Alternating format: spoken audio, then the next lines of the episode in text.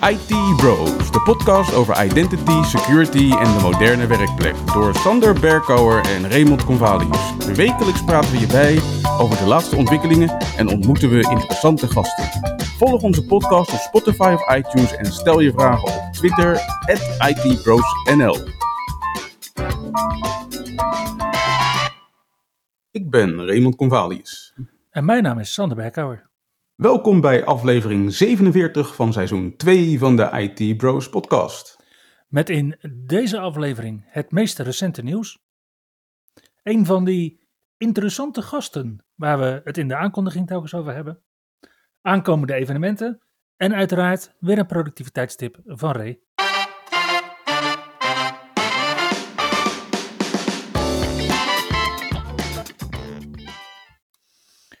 Hey Ray, was er nog Windows nieuws deze week? Nou, het is eigenlijk een beetje rustig lijkt het aan het front van Windows bij Microsoft. Want over de afgelopen week is er geen beeld uitgekomen in Dev Channel. Daarmee is het al twee weken stil Mhm. op Dev Channel. En in het Beta Channel is er vorige week wel een release geweest. En dat is beeld 22.6.21.891 met zijn compound. 22.6.23.891. En die zijn op 10 november uitgebracht. En Mhm. in deze beeld, beta beeld, zit, eh, zit onder andere de zoekoptie in de Task Manager. Verbeterde thema's voor de Task Manager. Dus je kan nu ook makkelijker dark mode aanzetten. Ah, dat is wel eh, meelevend met de mensen in Noorwegen, Zweden en Finland deze dagen. Inderdaad. En verder hebben ze nog wat zitten sleutelen aan de efficiency mode. Waarbij er een optie in zit, don't ask me again. Goed, ik vraag al niks meer over Windows. Eh, was er nog ander nieuws dan? Nou ja, de, laat ik zo zeggen, de update van oktober kent zo zijn issues. We hadden Nee. natuurlijk al de nodige ja, Kerberos dingen voorbij zien komen. Deze maand, ja. Ja. En nu blijkt ook dat direct access niet echt eh, soepel loopt. Waardoor de verbinding, als die eenmaal verbroken is, niet meer terugkeert. En daarvoor is een known issue rollback in gang gezet voor die mensen die direct access gebruiken. En ze werken nog bij Microsoft aan een definitieve oplossing. Ik heb nog niet gehoord wanneer de definitieve patch komt. En die known issue rollback, hoe ging dat ook weer in zijn werk? Nou, als Microsoft dus ziet dat jij regelmatig gebruik maakt van direct access, dan wordt de laatste update ongedaan gemaakt. Zodat jouw functionaliteit gewoon weer terugkeert.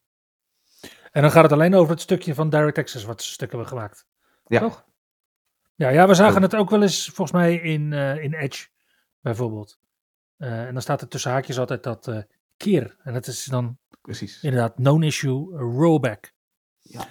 Nou, waar Microsoft nog geen known issue rollback in gang heeft gezet, maar wel al, en dan moet je nagaan, hè, op 14 november, eh, voor de updates van 8 november. Op 14 november hebben ze een update gemaakt in de known issues lijst voor Windows Server 2022, dat er toch echt wel Kerberos issues zijn in deze versie. Nou, vorige week waarschuwde ik natuurlijk al in de podcast dat het misschien niet heel handig zou zijn om binnen een week de updates te installeren op je domeincontrollers. En wat we nu weten is dat wanneer beheerders zelf vooruitlopen op Microsoft en dan dus AES, de Advanced Encryption Standard, afdwingen voor Kerberos Session Keys, dan faalt aanmelden nadat je de november updates op je domeincontrollers hebt geïnstalleerd. Dat geldt voor gebruikersaccounts, voor managed service accounts, die MSA's, die GMSA's, de Group Managed Service Accounts, voor computers, maar ook voor trusts.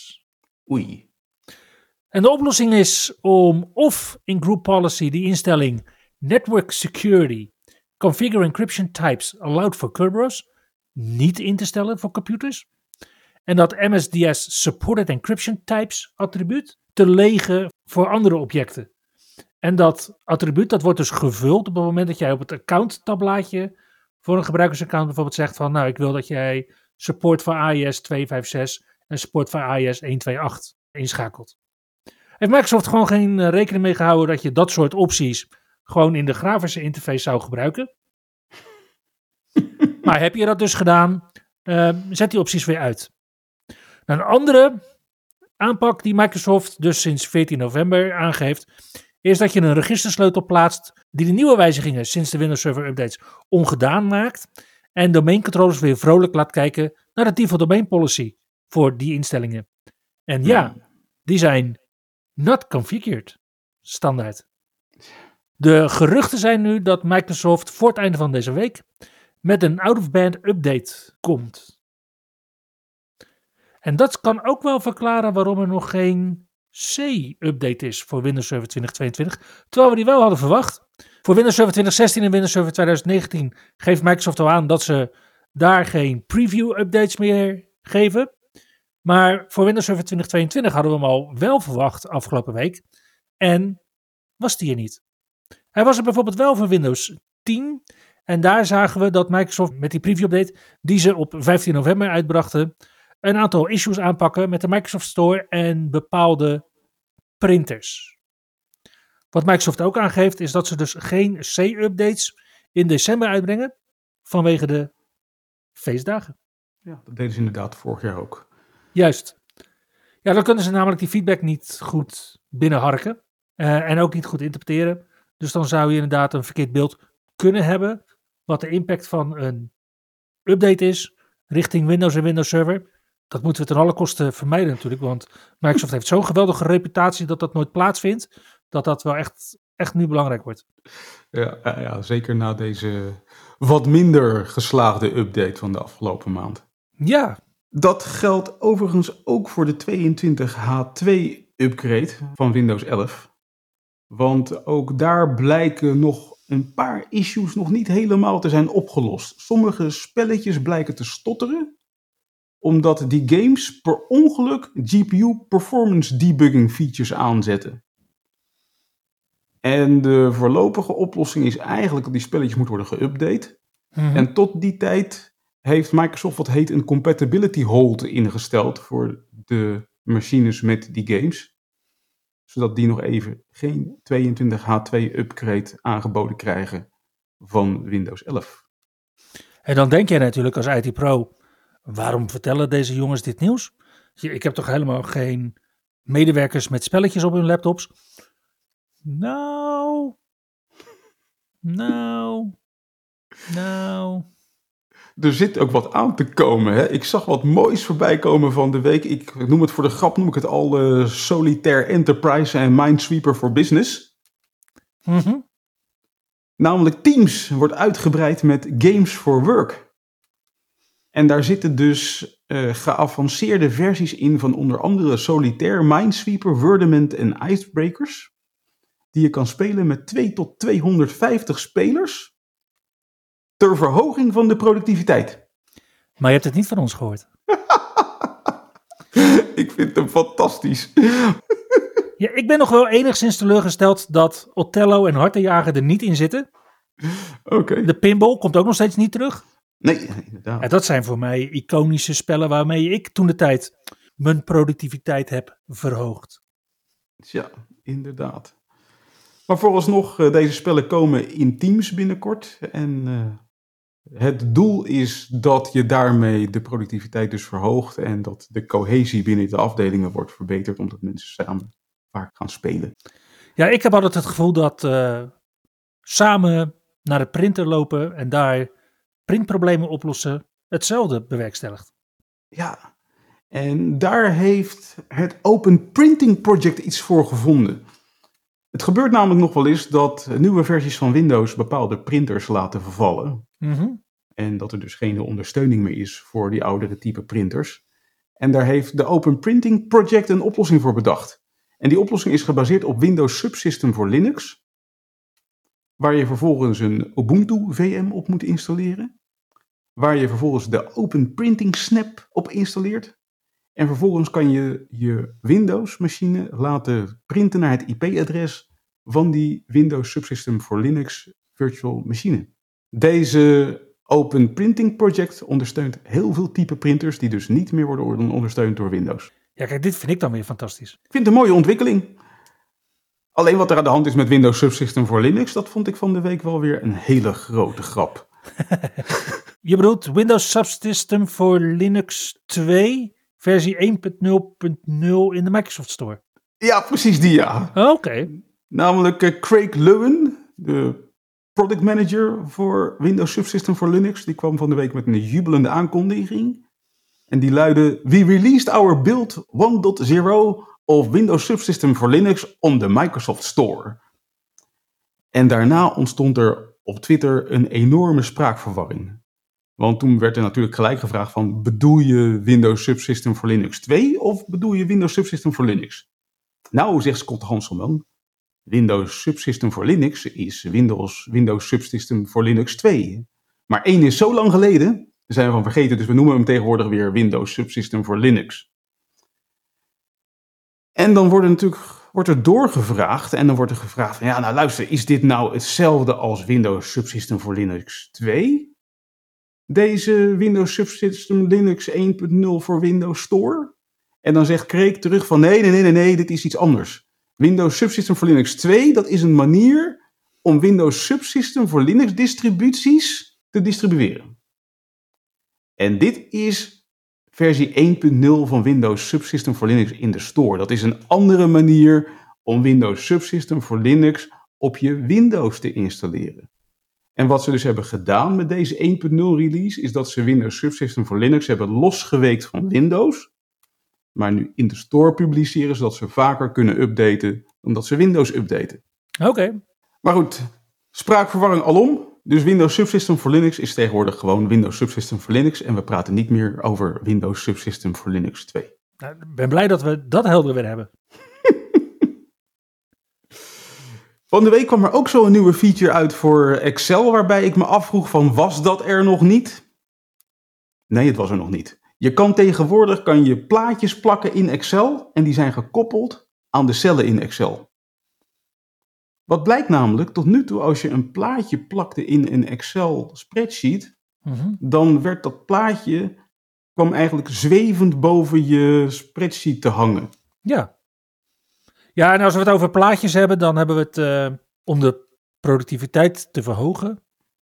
Over grafieken natuurlijk. Nee, nee, nee, als je dus gewoon bijvoorbeeld een, eh, een screenshot hebt die jij kwijt wil in een, eh, in een spreadsheet. Kijk, je grafieken die zijn volgens mij nog wel gekoppeld aan de cellen. Maar als jij Mhm. gewoon een extern plaatje pakt, gewoon een JPEG of iets dergelijks. Ja, gewoon iets, van de gewoon iets van de regering van Zambia. Precies. En je plakt dat in een spreadsheet, dan wordt dat over je cellen heen, de, het, het zweeft er eigenlijk boven. Oké. Met als gevolg dus als jij dan vervolgens cellen gaat toevoegen, rijen toevoegen, weet ik veel wat, eh, kolommen toevoegen. Mhm. Dan komt vervolgens dat plaatje op een totaal verkeerde plek te staan in je spreadsheet. Ja, dat moet je niet hebben. Precies. En dat gaan ze nu eindelijk oplossen in Excel door het mogelijk te maken om plaatjes gewoon te koppelen aan cellen in je spreadsheet. Alright. En wanneer eh, krijgen we dat dan? De bedoeling is dat dat eh, eind van het jaar, geloof ik, beschikbaar komt. Het staat in ieder geval nu op de roadmap. En de verwachting is dat het in december uitkomt. En dan zowel op Windows, Android, iOS en macOS. Dus eh, heel binnenkort bij iedereen beschikbaar in Excel. Nice. Hey, vorige week hadden we het over het eerste circulaire IT-evenement van Nederland. Mhm. Nou, er blijken 150 mensen op af te zijn gekomen.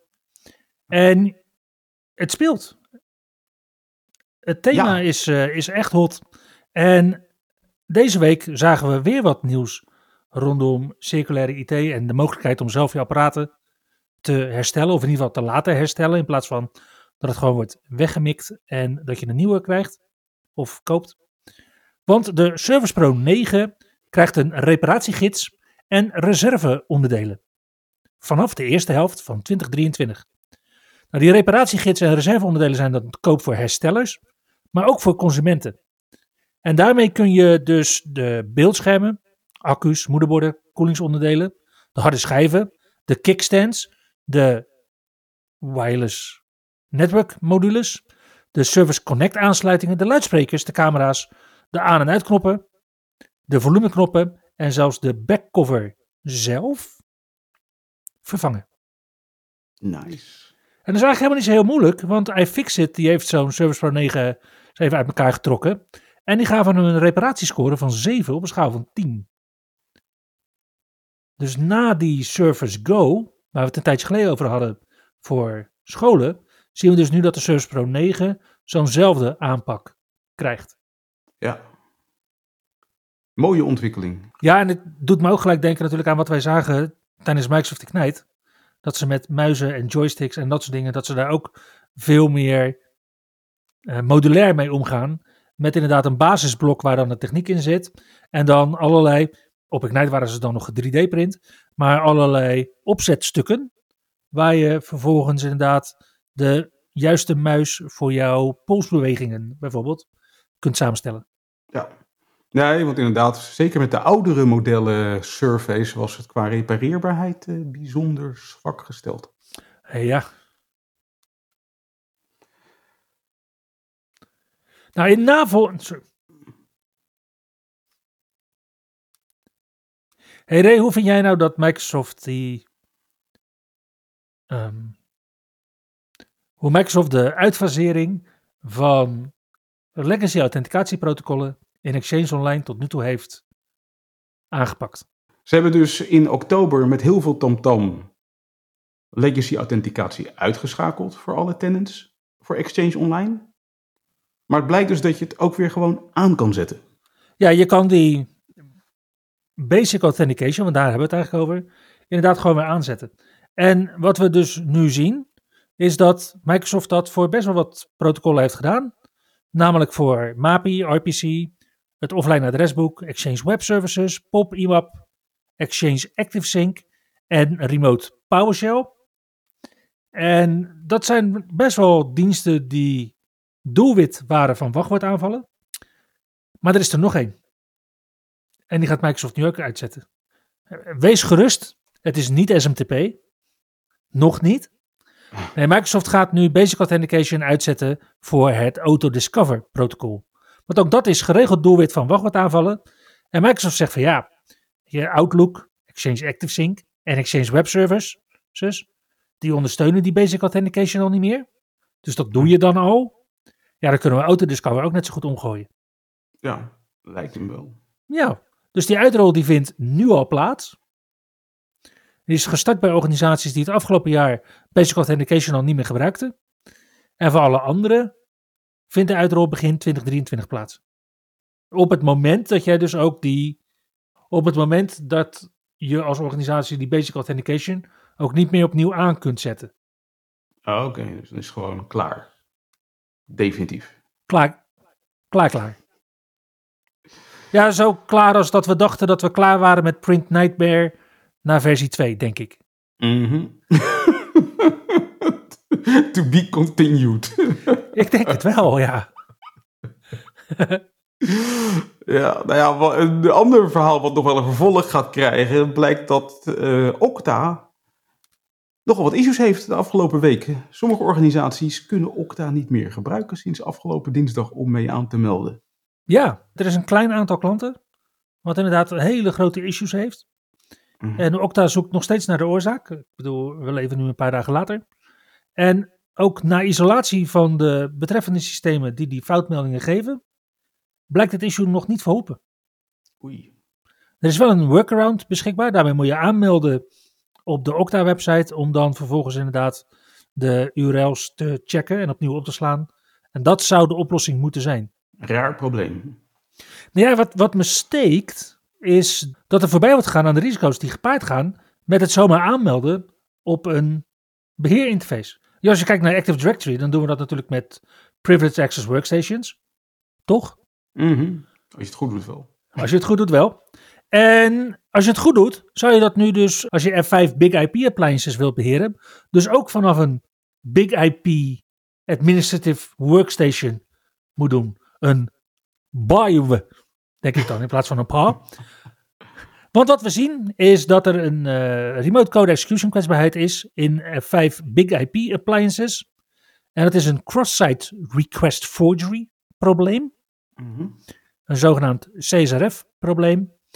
Wanneer de op de Big IP aangemelde beheerder in dezelfde browsersessie waarmee die is aangemeld op de Big IP interface ook een malafide of gecompromitteerde website bezoekt of een besmette advertentie te zien krijgt. Er is daarna namelijk geen verdere interactie vereist. Als je dat leest, er is verder geen interactie vereist, dan kun je al wel aanvoelen dat die CVSS versie 3 score best wel richting de 10 gaat. Mhm. Hij is in dit geval op 8.8 gezet voor de kwetsbaarheid die eh, officieel te boek staat als CVE 2022 41622. F5 heeft uiteraard een oplossing, maar dit is een zogenoemde engineering hardfix. Dus klanten moeten de oplossing daarvoor zelf bij F5 aanvragen om hem daarna handmatig over hun F5 appliances heen uit te rollen. Lelijk.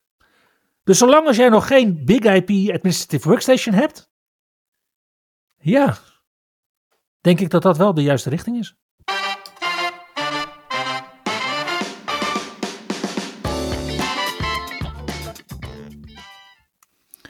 Vorige week bespraken we een Microsoft-rapport met allerlei interessante bevindingen. Maar deze week kijken we naar een ander rapport. Want Veeam heeft namelijk ook een Cloud Protection Trends Report voor 2023 uitgebracht. Waar zij een aantal trends die zij onderscheiden uiteenzetten. Dat kunnen Ray en ik natuurlijk samen, maar dat is helemaal niet zo leuk. Dus we hebben Edwin Weidema uitgenodigd. Edwin, waar zouden onze luisteraars jou van kunnen kennen? Voornamelijk eh onstage, wereldwijd. Presentaties, dat soort zaken. Maar ja, ook mensen eh, die mij tegenkomen eh, gewoon in het veld, bij bedrijven. Een stukje cybersecurity, een stukje advisering, gevraagd en ongevraagd. Daar kunnen mensen mij voornamelijk van kennen. En is dat dan het enige wat je doet bij Veeam?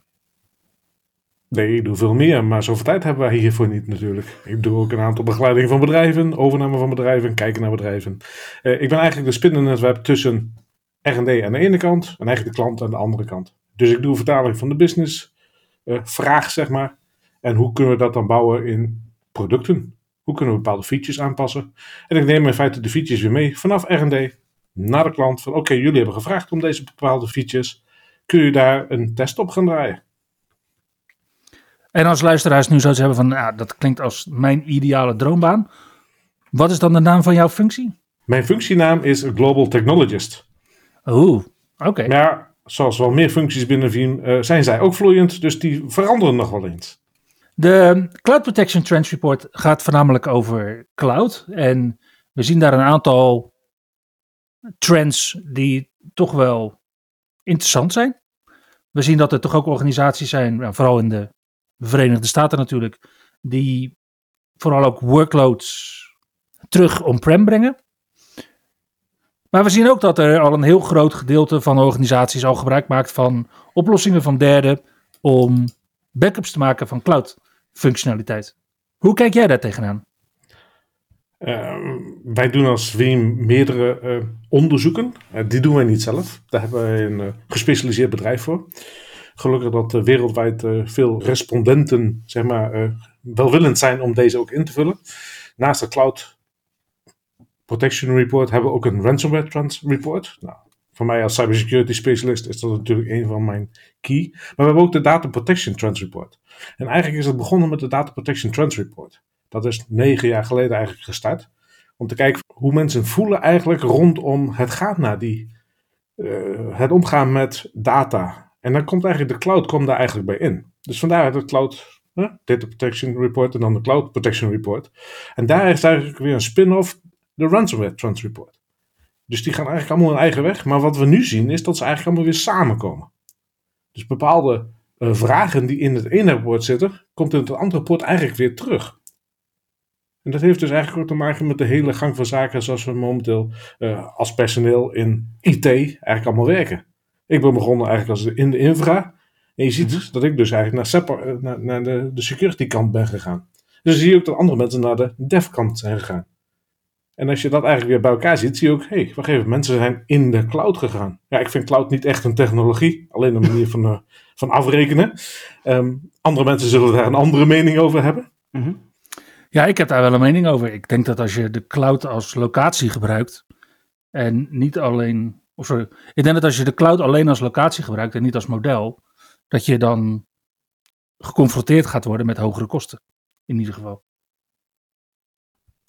Dat denk ik ook. En dat wijst eigenlijk ook het rapport ook eigenlijk wel uit. Want een van die eerste vragen die er eigenlijk in staat is van, goh, je bent nu naar de cloud gegaan als organisatie. Ben je misschien ook weer teruggekomen uit die cloud?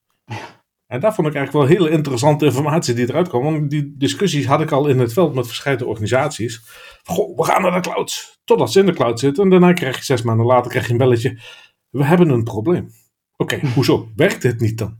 Jawel, het werkt wel goed. Alleen ons budget voor het hele jaar is nu al opgebruikt.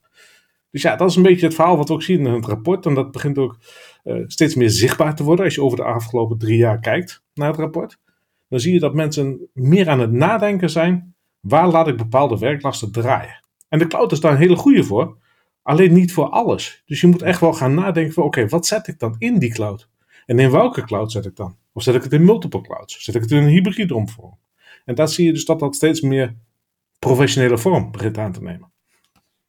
Okay, dus het is eigenlijk niet meer een eh, blinde lift en shift, maar gewoon inderdaad een, een weloverwogen keuze geworden van, van, van wat, waarvoor is die cloud nou eigenlijk wel nuttig en waar is die niet nuttig. En als ik dan naar dat rapport kijk, dan zie ik uh, natuurlijk voor, voor Veeam is natuurlijk de, de cloud met name nuttig als, als bestemming voor backups. Is dat ook wat jullie zien als een belangrijke trend? Uh, ja, nee.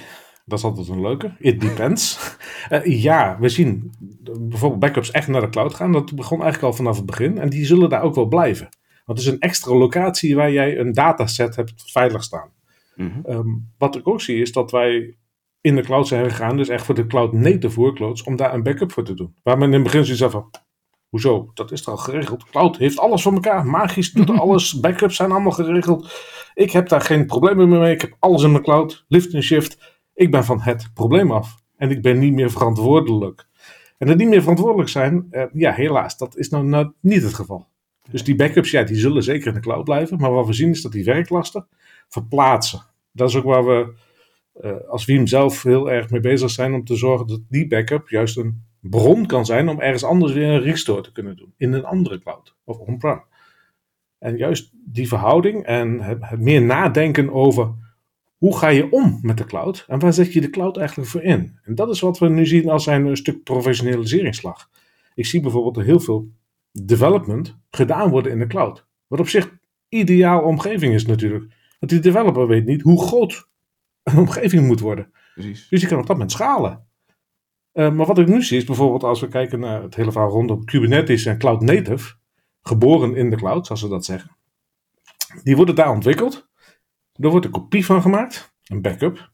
En die wordt daarna, als die productie rijp is, on-premises geladen. Omdat men weet hoeveel resources heeft men nodig, wat moet erop gaan draaien. Men heeft wat meer, zoals we zeggen, uh, antwoorden bij de vragen gevonden. Waarom die applicatie? Wie gaat er mee werken? Hoeveel lasten zullen er komen?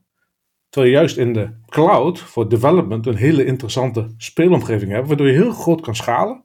Om ook te kijken wat heeft het effect als deze dienstverlening die we gaan aanbieden als bedrijf zijn, in één keer een gigantische vogelvlucht gaat krijgen. Of is hij misschien wel seizoensgebonden? Mm. En daar is eigenlijk ook waar de hele cloud beweging eigenlijk ontstaan is, in mijn optiek. Ja.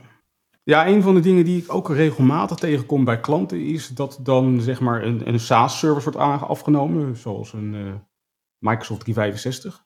En dat dan al vrij vlot de discussie ontstaat: moeten we dit backuppen of niet? en dan heb je natuurlijk de discussie van ja, er is, er is toch een backup van Microsoft. Je kan toch zoveel versies terug in je data. Of toch weer niet. En ja, goed, als ik, als ik, als ik het theme vraag, ken ik denk ik het antwoord al. maar wat is de, de redenatie achter het antwoord van Veeam? Nou, ik ga hem dan anders beantwoorden. Vraag Microsoft eens. Microsoft 365, zij zijn de mhm. leverancier. Maar zij kwamen er zelf ook vrij snel achter. Wij zijn heel goed in het leveren van die dienstverlening. Die mhm. dienstverlening moet gewoon met bijna 100% up en running zijn. Dat is ook waar ze hem voor gebouwd hebben. De architectuur erachter is helemaal geschaald op het verhaal van we gaan schalen en zorgen dat die dienstverlening gewoon bijna 100% up en running is. Want je wil eigenlijk overal ter wereld die dienstverlening kunnen hebben. Ze zijn er ook achter gekomen dat zij geen specialist zijn in backup. Vandaar ook dat wij een hele goede samenwerking hebben met Microsoft. En hebben ook gezegd van Wij ontwikkelen een product die ervoor zorgt dat er een backup ontstaat van de productiedata in Microsoft 365. En die kan bijvoorbeeld in Azure geplaatst worden, maar die kan ook ergens anders geplaatst worden. Zodat je altijd ergens anders een kopie hebt. Stel je voor dat toch die dienstverlening ergens geraakt wordt. Ransomware bestaat ook in de cloud. Kan daar ook uh, wat uh, schade aanbrengen, laten we het zo zeggen. Mhm. En daarom heb je dus altijd een backup nodig. En dat is ook wat Microsoft zelf uitdraagt. Want als je goed kijkt naar de hele uh, contracten die eronder liggen, maar ook de serviceverlening, wat zij aan SLA bieden, staat er ergens in een punt, artikel 26 uit mijn hoofd, zorgt ervoor dat je een third-party applicatie hebt die ervoor zorgt dat er een backup van jouw gegevens wordt gedaan. Ja, want het grote verschil is namelijk dat Microsoft, denk ik, prima aangeeft dat ze kopieën maken. Je van al je gegevens in de cloud heb je ergens tussen de 18 en de 31 kopieën draaien. Ligt er een beetje aan of je een geo-redundant hebt, dat soort dingen. Maar het zijn kopieën, zoals Microsoft ze dan noemt, replica's. En het zijn geen reservekopieën, wat het Nederlandse woord is voor backups. En als je het dan inderdaad aan Veeam vraagt, dan komen ze aan met de 3-2-1-regel. En dan weet je al van, oké, ja, dat, zo zat het inderdaad. Als Veeam zijnde, ben je dan niet bang dat Microsoft op een dag een concurrerend backup product gaat aanbieden? Nee, daar zijn we eigenlijk niet zo heel erg bang voor, als we eerlijk zijn. Wij zijn specialisten maar in uh, backups en recovery. En voornamelijk eigenlijk als we zien backup is, zoals we noemen, het fundament. Dat moet je altijd hebben, want als je wil recoveren moet je een backup hebben. Maar als je kijkt naar wij richten ons eigenlijk altijd voornamelijk op recovery. En daar zijn wij de specialisten in. En daarom zijn we ook niet zo bang dat Microsoft zegt van, goh, we gaan iets doen. Want eigenlijk, als je goed kijkt naar alle leveranciers in de markt die bepaalde dingen leveren, bijvoorbeeld VMware met een hypervisor, uh, de Microsoft dan met uh, bijvoorbeeld 3, Office 365, oh nee, herstel, Microsoft 365, dan zie je dat ze daar heel erg goed in zijn. En ze doen allemaal wel een gedeelte backup, maar dat is meer voor de mensen van, ik heb toch iets nodig. Totdat mensen er werkelijk mee gaan werken en dan zeggen, hm, het is toch niet helemaal wat ik dacht dat het was. Dus misschien moet ik een ander product erbij hebben die wel gespecialiseerd is en ook eigenlijk na heeft gedacht over niet alleen die backup, maar ook bijvoorbeeld de restore. Ja. Maar laat ik hem dan aan jou vragen, Ray. Stel dat Microsoft met een speciale Microsoft 365 Cloud DPM server komt. Mm -hmm. DPM, uh, wat trouwens in mijn woordenboek nog steeds Duopoly Manager is. Zou jij dat product gebruiken? Ik zou het in ieder geval testen, laat ik het zo zeggen. En op dezelfde manier als dat jij DPM vroeger hebt getest. Denk ik, toch? Uh, ja. Ja, en dan kom je tot de conclusie. It ain't all that. Dat je dat misschien beter niet kan doen. Ja. Nee, we hebben daar een mooi voorbeeld van. Kijk naar NT Backup. Zat in elk serverproduct. Kon je snel even een kopietje maken. We deden het. Alleen op het moment dat je moest herstellen had je zoiets van... Oeh, hold on. Uh, hoe gaan we dit doen? Uh, de backup is wel gelukt, maar ik moet nu een restore doen. En uh, graag alleen maar van dat bestand. En ik wil niet die hele server in één keer terugzetten. En nu? Vandaar dus dat ik daar eigenlijk als Veeam zijnde niet zo bang voor ben. Dat we daar ook in de wielen gaan rijden. Want Edwin, je geeft aan dat Veeam de specialist is in het kunnen restoren van gegevens. Hoeveel mogelijkheden biedt Veeam dan om gegevens te restoren? Afhankelijk van het product, als je kijkt naar backup en replicatie bijvoorbeeld, wij doen dan één backup. Dat is zoals we dat noemen een image level backup. Maar vanuit die image level backup kunnen wij op 91 verschillende manieren data terugzetten. Dus het is niet dat je die hele virtuele machine in één keer terugzet. Nee, je kan dan zeggen van, goh, dit is een Exchange server. Ik wil graag alleen dat mailtje in deze Exchange server restoren. En dan hebben we dus geen extra backups nodig. Nee, dan kunnen we gewoon de standaard backup pakken van die ene machine. Kijken naar bijvoorbeeld Office 365, dan zie je dat wij steeds meer mogelijkheden gaan creëren. We zitten nu boven de 38 vanuit dezelfde backup. En dat is ook eigenlijk wat je wil zien in een restore. Kijk, een backup is leuk, is fundament voor alles, vind ik. Maar het gaat om de restore. Hoe ga je restoren? En ik wil niet zo'n grote rode knop hebben. En ik druk op de knop en alles wordt gerestored, terwijl er eigenlijk maar twee items vernietigd zijn.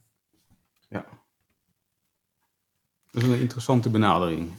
Dus eigenlijk zie je Veeam als restore specialist en niet zozeer als backup specialist. Dat klopt. Maar het leuke is, als je kijkt naar ons product, hoe dat benoemd is, dat is backup en replicatie. Als je heel veel mensen vraagt die Veeam eigenlijk uh, bij Veeam zijn gekomen, dus die ons team uh, versterkt hebben, en we zouden nu een enquête doen, dan zullen, ik schat 60, 70 procent zeggen dat de R, dus de VBR, de R voor recovery staat. en niet meer voor replicatie. Ja, helder. Jouw specialisme is met name het omgaan met ransomware en uh, als Veeam zijnde. Hoe verhoudt zich dat tot zeg maar backup en recovery in, in deze context? Zoals ik aangaf eigenlijk al eerder in het gesprek, um, heel veel mensen denken van goh, we gaan in de cloud, we gaan bijvoorbeeld software as a service, à la Microsoft 365 afnemen. Um, ik ben daar niet meer voor verantwoordelijk. Uh, ransomware bestaat daar niet. Nou, dat is een van die mythes die er is. Daarom sta ik dus ook vaak onstage om uit te leggen, ja nee, dat bestaat wel degelijk, want jij verbindt met een device bijvoorbeeld met jouw Microsoft 365. Dan kom je in je mailbak.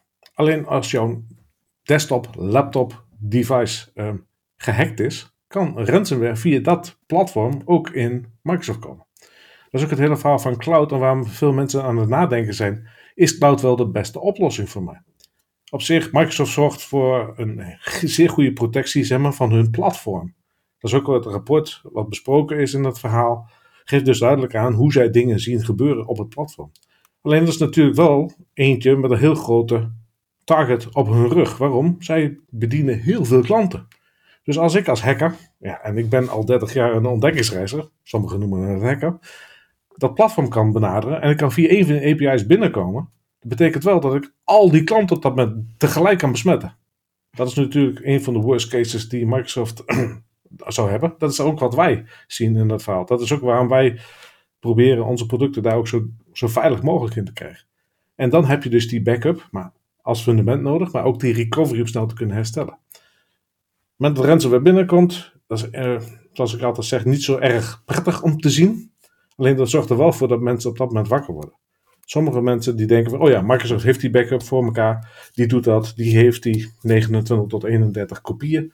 Alleen dat zijn op dat moment soort snapshots, soort foto-images. Alleen als ik iets verander in, in, in de basis, dan gaan die images ook allemaal diezelfde werkelijkheid weergeven. Ja. En daarom heb je dus die recovery daarin nodig.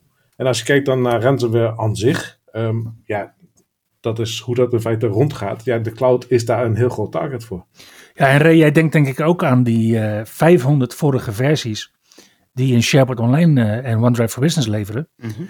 Maar als we kijken naar wat aanvallers doen, en ik denk dat Edwin dat kan beamen, um, is dat een aanvaller als eerste het aantal vorige versies terugzet naar één en dan versleutelt. Ja, want als jij als hacker ransomware wil laten landen en uh, zeker wil zijn van een uh, betaling, dan krijg je dus het verhaal van: oké, um, hoe kunnen zij terug? Via hun backup en recovery. Dus wat gaan we uitschakelen? De backup en recovery. Dat is een van degenen waarom wij ook als Veeam met meer dan 450.000 klanten een hele grote target op onze rug hebben. Op het moment dat ze een infrastructuur binnenkomen, gaan ze op zoek, oké, wat voor backup software hebben ze? Ja. We hebben dus ook hackers die gespecialiseerd zijn en uh, getraind, zichzelf getraind hebben in Veeam. Hoe werkt Veeam? Dan kom je binnen, dan zeg je van, oh, ik ga terug naar die ene versie. Of beter gezegd, die andere 500 die schakelen we uit en we gaan er één terug. En dan wacht ik die ene dag en dan doe ik mijn aanval. En dat is ook wat wij zien hele interessante ontwikkeling. Ik denk dat we die nog wel eens uh, terug zullen horen in uh, onze wekelijkse berichtgeving in uh, de IT Bros podcast. Hey Edwin, dankjewel voor deze bijdrage aan, die, aan de IT Bros podcast. Ik ben hier alweer een stukje wijzer geworden en ik hoop onze luisteraars ook. Yep. Ik denk dat we je nog eens een keer zullen uitnodigen wanneer het volgende ransomware report uit is van Veeam. Want daar zal, zullen vast ook hele interessante dingen in komen te staan. Ik heb er al een aantal uh, datapunten voor gezien en die zijn zeer interessant. Maar het eerstvolgende rapport wat uitkomt vanuit Veeam zou het Data Protection Trends Report 2023 zijn. Kijken we daar ook naar uit. Zeker. Dankjewel Edwin. En tot de volgende keer. Tot de volgende keer.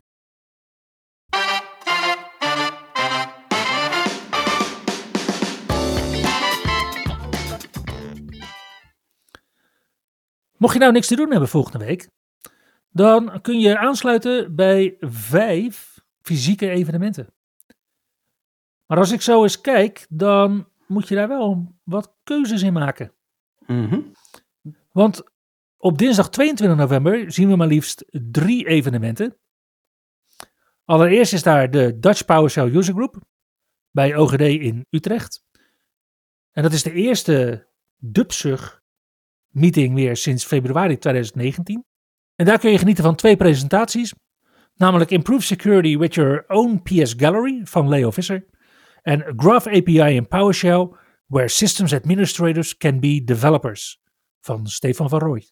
Ook op dinsdag 22 november is er dan de Microsoft and Security Nederland meeting. Die begint om 5 uur s middags met inloop en eten. Waarna vanaf 6 uur er een presentatie is van Ruben Bouwman. Over de tools die hij heeft ontwikkeld ter ondersteuning van Blue Teams. Vervolgens uh, na de pauze een presentatie van Pujan Kabazi. Driving Security into Every Aspect of the Development Lifecycle. Om vervolgens af te sluiten met de beroemde pubquiz en borrel tot 9 uur. Ook op dinsdag 22 november organiseert Tergos vanaf 7 uur DevSecOps Shift Left the Right Way. Ja, dan ben ik helemaal de weg. Ik heb sowieso al moeite met links en rechts uit elkaar houden. Maar hier zeggen ze dus Shift Left the Right Way. Inderdaad. En op dit evenement zijn er twee presentaties. Eentje van Eer van Santu, A Marriage Between DevOps and Security. En een presentatie van Sebastian van der Meer, Shopify Your Infra and Security Teams. Dit vindt plaats bij Van der Valk aan de Zuidas in Amsterdam.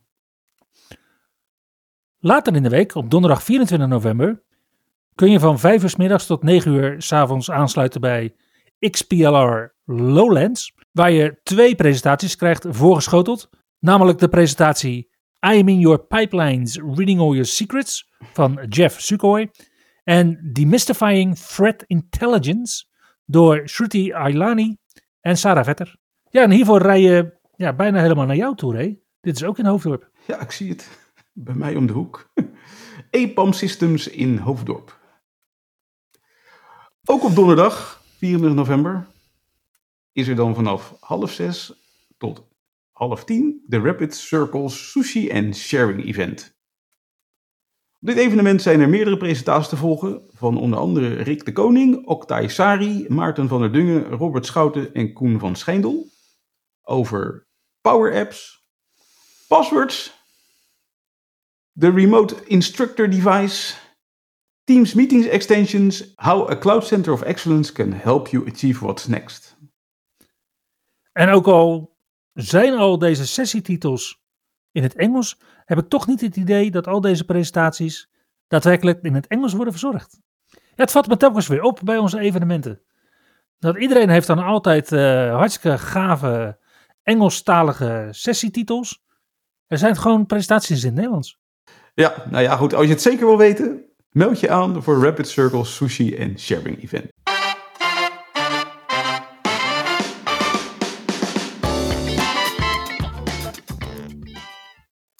Ray, je vertelde me net dat je een productiviteitstip hebt die je niet zelf hebt verzonnen. Nee, inderdaad. Deze keer heb ik me laten inspireren door Femke Cornelissen. Die heeft een fantastisch uh, blog waarop ze regelmatig productiviteitstips publiceert. En deze vond ik wel leuk om eventjes uh, te lenen. Namelijk, zij heeft een leuke tip om voortaan ook je Teams-link op te nemen in je Outlook handtekening. Dan kunnen de mensen die jij mailt vervolgens eenvoudig via de chat contact met je opnemen. Die handtekening die moet dan wel linken naar de Teams site. Dus dat is https teams.microsoft.com. En dan slash l slash chat slash 0 slash 0. Vraagteken users is. En dan je Teams adres. Hey Ray, en stel nou dat je als organisatie automatische handtekening hebt. Welk adres zou jij dan daar automatisch laten invullen? Is dat dan het adres wat in het MSRTC SIP Primary User Address attribuut in Active Directory leeft? Of toch een ander attribuut? Ik denk dat ik gewoon voor het mailadres zou kiezen. En ik hoop voor jouw organisatie dat je mailadres hetzelfde is als je UPN en hetzelfde is als het RTC SIP-adres waar jij naar verwijst, wat volgens mij nog een artefact is uit het tijdperk van uh, Skype en Link. Oh, Oké. Dus dat attribuut wordt waarschijnlijk wel helemaal nergens meer gebruikt. Ik dacht het niet. Oké, top. In ieder geval, voor uh, de uitwerking van deze productiviteitstips zullen wij verwijzen naar de website van Femke. En dankjewel Femke. Topper. Daarmee komen we het einde van aflevering 47 van seizoen 2 van de IT Bros podcast. Dankjewel voor het luisteren en tot de volgende keer. Tot de volgende keer. Je luisterde naar IT Bros, de wekelijkse podcast over identity, security en de moderne werkplek. Abonneer je op Spotify, iTunes of Google Podcast als je de volgende aflevering niet wilt missen.